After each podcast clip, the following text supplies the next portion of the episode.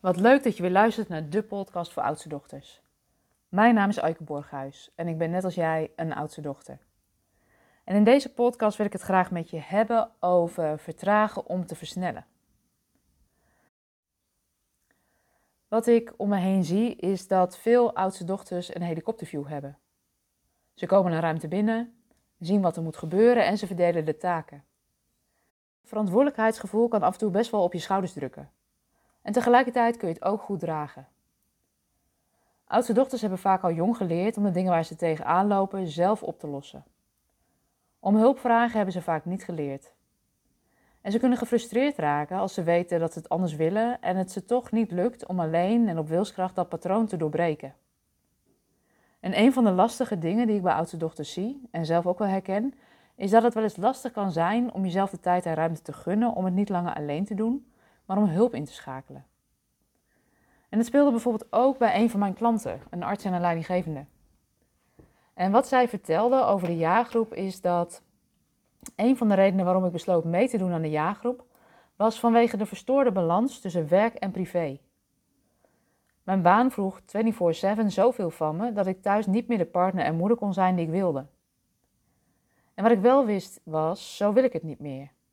Maar wat ik wel wilde, daar had ik al een aantal keer mijn hoofd over gebroken. Ik dacht erover na en kwam steeds in dezelfde denkcirkel terecht. Ik kwam er alleen gewoon niet uit.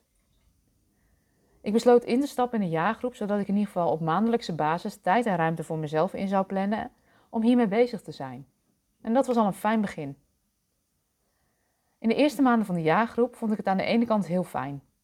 De dagen samen waren fijn, verhelderend en ik voelde me minder alleen. En tegelijkertijd knaagde er ook een stemmetje in me die zei dat ik het niet goed genoeg deed. Dat ik harder aan het werk moest zijn. Dat ik meer moest doen met datgene wat we in de jaargroep deelden en leerden van en met elkaar. En dat ik nu toch wel eens een keertje resultaat wilde zien. En wat die klant zei is dat um, ik haar daar van tevoren al over gewaarschuwd had dat dat zou gebeuren. En ze ervaarde dat het toch nog regelmatig knaagde. Want wat ze zei was: Ik ben gewend om in mijn werk- en crisissituaties steeds nu te moeten beslissen over een volgende stap. En dat leek hier niet te gebeuren. Achteraf gezien was ze stok in het wiel, me laten vertragen, uitzoomen, weer helder krijgen wat voor mij van waarde is en belangrijk is, precies was wat ik nodig had. Zo was ik aan de start van het jaarprogramma helemaal klaar met mijn vak en met mijn werk. Ik dacht voordat ik aan het jaarprogramma begon dat ik echt een ander vak moest gaan leren. Maar tijdens dat jaar ontdekte ik dat ik het vak nog steeds heel leuk vind en goed kan, maar dat de context, de organisatie waar ik werkte, voor mij niet meer passend was. En nu, een jaar later, heb ik mijn baan opgezegd en een nieuwe functie aangenomen, waarbij ik nog steeds mijn vak kan uitoefenen, maar niet meer 24/7 hoef aan te staan. Daardoor kan ik weer de moeder zijn die ik wil, ben ik een leukere partner en is er ruimte ontstaan om nog beter voor mijn gezondheid te zorgen. Ik heb weer tijd en energie om te sporten en te bewegen in plaats van dat ik s'avonds uitgeput op de bank stort. Achteraf kan ik zien dat het vertragen echt nodig was om helderheid te krijgen over mijn volgende stappen. Ik had eerst dat zelfonderzoek te doen. En dat zelfonderzoek kostte best wel wat tijd en dat is groei aan de binnenkant, waardoor het lijkt aan de buitenkant alsof er niet zoveel gebeurt. Achteraf gezien was dat vertragen precies wat ik nodig had. Dat heb ik niet alleen bij mezelf gezien, maar ook bij andere deelnemers. En wat ik nu met je gedeeld heb, is eigenlijk de reactie van een van de deelnemers aan de jaargroep en is herkenbaar voor veel van de oudste dochters die meedoen. Je hebt ergens last van en wil dat het liefst zelf en zo snel mogelijk oplossen. En je schiet dan vaak in de analyse, in je hoofd en in de ratio.